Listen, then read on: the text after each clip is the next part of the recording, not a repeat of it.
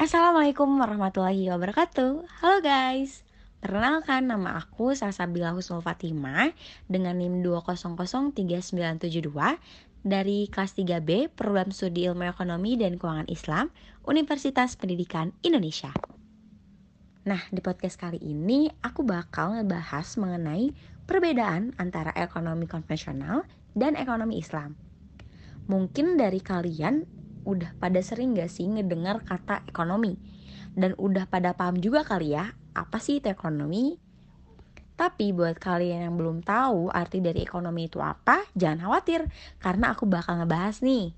Jadi ekonomi ini adalah cabang ilmu yang fokus mempelajari cara atau prosedur seseorang demi memenuhi kebutuhannya sama-sama mempelajari ilmu ekonomi, secara teknis ada dua bentuk perekonomian, yaitu perekonomian Islam dan perekonomian konvensional. Yang mana pada kesempatan kali ini kita akan fokus pada perbedaan ekonomi Islam dan konvensional. Langsung aja yuk kita bahas. Perbedaan yang pertama dari segi pengertiannya. Hmm, Sal, padahal kan ekonomi itu antara ekonomi konvensional dan ekonomi Islam itu sama-sama ekonomi gitu apa sih yang membedakannya gitu. Nah, jadi perekonomian konvensional ini adalah ilmu yang mempelajari perekonomian yang menekankan kepada kebebasan dan menggunakan sistem perekonomian berbasis pada era global. Sedangkan dikatakan ekonomi Islam karena berbasis pada aturan dan cara Islam, berpatokan kepada Al-Quran dan As-Sunnah, baik dalam hal teknis, sistem kerjanya, dan dalam menyikapi permasalahan yang muncul. Nah, perbedaan yang kedua bisa dilihat dari segi tujuannya. Kalau misalkan ekonomi konvensional ini tuh tujuannya untuk mementingkan dan meraup keuntungan sebesar-besarnya yang sifatnya itu hanya keduniawian saja. Sedangkan kan kalau misalkan ekonomi Islam itu uh, lebih mengutamakan untuk mencapai tujuan yang baik gitu, baik itu di dunia maupun untuk di akhirat kayak gitu. Terus yang ketiga nih, dari cara mencapai kesejahteraannya kalau misalkan ekonomi konvensional itu mengacu pada hal-hal yang sifatnya positivity. Sedangkan ekonomi Islam ini tidak berorientasi pada diri sendiri, melainkan untuk mencapai kepentingan orang lain juga, sehingga mampu mencapai kesejahteraan dan keadilan bagi rakyat secara umum. Nah, jika ditinjau dari kepemilikannya, ekonomi konvensional ini kepemilikannya hanya untuk pribadi saja, yang dibebaskan untuk memiliki semua kekayaan yang diperolehnya saja gitu. Sedangkan kan kalau misalkan ekonomi Islam itu menetapkan bahwa e, sumber kepemilikan kekayaan yang dimiliki individu adalah milik Allah Subhanahu wa taala. Manusia itu hanya bersifat dititipi sementara gitu oleh Allah. Terus yang selanjutnya ada perbedaan yang bisa dilihat dari prinsip nih. Jika ekonomi konvensional ini tuh berprinsip pada kon, uh, konsep scarcity atau kelangkaan, sedangkan ekonomi Islam ini berprinsip pada goal oriented discipline kayak gitu guys. Nah, kan kalau misalkan scarcity itu tuh menekankan pada uh, perilaku manusia dalam menyikapi kelangkaan ya. Sedangkan kalau misalkan goal oriented ini tuh uh, lebih luas lagi gitu. Di sana tidak hanya mempelajari cara mengalok mengalokasikan sumber daya secara maksimal, tetapi juga mempelajari tujuannya. Itu tujuan di akhirat dan juga tujuan di dunia, betul banget. Nah, dari segi mekanismenya nih, jika ekonomi konvensional ini menggunakan mekanisme bebas keluar masuk tanpa ada intervensi. Padahal kan jika pasar tidak diatur dan dibiarkan gitu aja, maka akan terjadi ketidakseimbangan dalam penawaran dan stok barang. Salah satunya kemarin aja ya, misalkan stok dari masker dan hand sanitizer. Kan itu banyak penimbunan di mana-mana ya, sehingga terjadi kelonjakan harga yang asalnya harusnya 12.000 nih tiba-tiba jadi 50.000. Kan kaget ya. Terus berbeda nih mekanisme pasar pada ekonomi Islam. Nah, kalau misalkan di ekonomi Islam itu tuh adanya invisible hand yang mencoba untuk mengefisiensikan pasar. Jadi ekonomi Islam ini tuh mempertimbangkan proses produksi dan distribusi barang jasa, menjadikan pemerintah sebagai unit ekonomi yang mendampingi dengan unit ekonomi lain demi menjaga kestabilan. Seperti itu guys.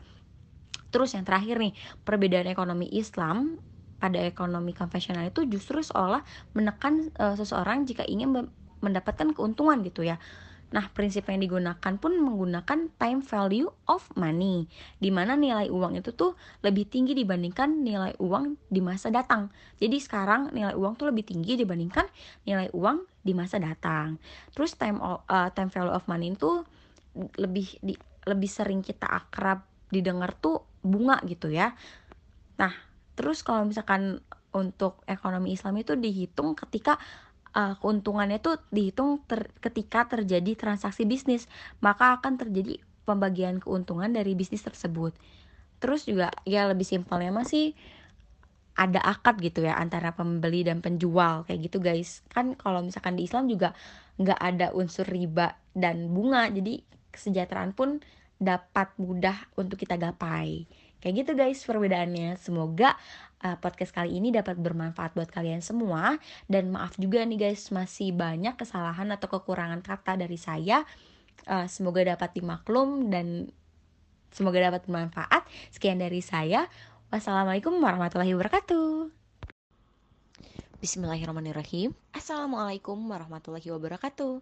Halo teman-teman semua, perkenalkan nama saya Salsa Bilosul Fatima dari kelas 4B dengan NIM 2003972, Prodi Ilmu Ekonomi dan Keuangan Islam, Universitas Pendidikan Indonesia. Nah teman-teman, pada kesempatan kali ini saya akan membahas mengenai permasalahan ekonomi makro. Ekonomi adalah ilmu sosial yang mempelajari perilaku manusia dalam mengelola sumber daya yang terbatas dan menyalurkannya ke dalam berbagai individu ataupun kelompok yang ada dalam suatu masyarakat ekonomi makro ini mempelajari mengenai perubahan ekonomi yang, uh, yang dapat mempengaruhi masyarakat, perusahaan, dan pasar.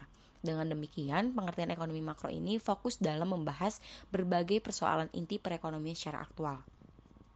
Lalu kenapa sih permasalahan ekonomi makro ini bisa muncul gitu ya? Karena keinginan manusia ini kan tidak terbatas ya teman-teman. Sedangkan alat pemuas yang terbatas dapat menimbulkan permasalahan yang muncul. Salah satunya seperti pengangguran. Pengangguran ini adalah sebutan untuk angkatan kerja yaitu penduduk berumur 15 hingga 65 tahun yang tidak bekerja sama sekali atau sedang mencari pekerjaan. Pengangguran ini biasanya disebabkan karena jumlah angkatan kerja tidak sebanding dengan jumlah lapangan kerja yang ada. Lalu kenapa sih pengangguran ini menjadi masalah ekonomi makro? Karena dengan adanya pengangguran ini dapat mengakibatkan ketidakoptimalan tingkat ekonomi yang ada dan dapat mengakibatkan faktor produksi ini tidak termanfaatkan. Simpelnya gini deh teman-teman, apabila seseorang tidak bekerja, berarti otomatis dia tidak akan mendapatkan upah ataupun gaji ataupun penghasilan gitu ya, yang akan berdampak kepada kurangnya konsumen dalam membeli barang ataupun jasa kepada produsen. Nah, karena keduanya ini saling berkaitan ya, yang akan menyebabkan tidak optimalnya tingkat pertumbuhan ekonomi. Jadi, semakin sedikitnya tingkat pengangguran yang ada, maka semakin tinggi juga tingkat pertumbuhan ekonomi. Jadi ini berbanding terbalik ya, teman-teman. Nah, pembahasan yang selanjutnya yaitu jenis-jenis pengangguran. Jenis-jenis pengangguran ini ada delapan yang saya tahu. Yang pertama ada pengangguran terbuka, terus ada pengangguran terselubung, pengangguran siklikal, pengangguran struktural, pengangguran fiksional, pengangguran teknologi, pengangguran musiman, dan setengah pengangguran. Nah, dari pengangguran-pengangguran ini beberapa di antaranya yang menurut saya suka terjadi di Indonesia yaitu yang pertama yaitu pengangguran terbuka.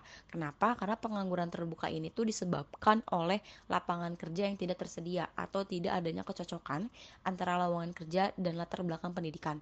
Ini udah banyak banget teman-teman terutama di kota-kota besar. Nah, yang kedua itu pengangguran terselubung. Karena uh, adanya ketidaksesuaian gitu ya antara latar belakang pendidikan ataupun pekerja yang tidak sesuai dengan bakat dan kemampuan pekerja. Terus yang ketiga itu pengangguran teknologi. Kenapa? Karena dengan seiringnya berkembangnya zaman dan berkembangnya teknologi yang mengakibatkan pekerjaan-pekerjaan yang harusnya dilakukan oleh manusia ini dilakukan oleh mesin ataupun robot gitu. Contoh halnya seperti ini ya tempat parkir. Bisa kita lihat bahwasanya tempat parkir zaman dulu itu pasti memerlukan manusia dalam menarik tarif parkirnya. Tapi pada zaman sekarang kita tidak lagi melihat manusia mengoperasikan mesin ataupun menarik tarif, tarif uh, parkir dengan sendirinya gitu. Diganti oleh mesin. Nah, dengan adanya uh, kita diganti yang seharusnya dilakukan oleh manusia tapi diganti dengan mesin itu malah menyebabkan tingkatnya pertumbuhan pengangguran ini semakin tinggi gitu Nah, yang selanjutnya karena seiring berjalannya dengan waktu gitu ya, jumlah pengangguran kian e, terus bertambah.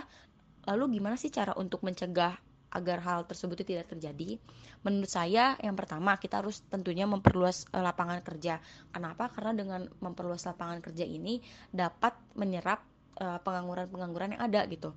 Terus kita juga harus meningkatkan ekspor, terus mendorong ekspor agar tingkat pertumbuhan ekonomi juga dibantu gitu ya. Nah, yang kedua itu mempengaruhi urbanisasi agar penyebaran tenaga kerja ini seimbang gitu ya dan e, dapat mengurangi pengangguran di kota-kota besar. Jadi yang asalnya banyak nih pengangguran di Jakarta itu diurbanisasi gitu atau dipindahkan ke misalkan e, desa terpencil atau misalkan kawasan-kawasan yang memang belum e, banyak pekerja gitu di sana. Terus yang ketiga itu memperbaiki mutu pendidikan. Kenapa? Karena ini salah satu faktor yang sangat penting untuk menunjang kualitas orang pekerja. Nah, apabila pendidikannya bermutu, terus kualitas pekerjaan itu bagus, maka uh, kita tuh bisa bersaing, gak hanya nasional tapi juga internasional gitu ke seluruh negara. Nah, pasti ya dengan adanya pengangguran ini dapat berdampak baik itu kepada negara maupun kepada masyarakat.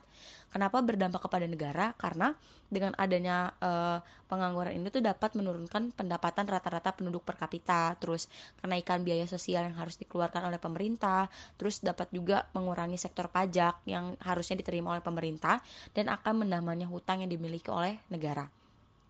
Lalu berdampak kepada masyarakat. Kenapa? Karena dengan uh, meningkatnya pengangguran, maka semakin juga uh, meningkatnya kemiskinan, terus memicu tindakan kriminalitas, terus uh, munculnya ketidaksadaran politik dan sosial, dan tentunya akan ada gangguan psikis bagi orang-orang yang sedang menganggur atau keluarga yang bersangkutan. Seperti itu teman-teman, mohon maaf apabila penjelasan saya masih kurang. Semoga dapat terjawab, semoga dapat membantu gitu ya. Terima kasih telah mendengarkan. Semoga bermanfaat. Sekian dari saya. Wassalamualaikum warahmatullahi wabarakatuh.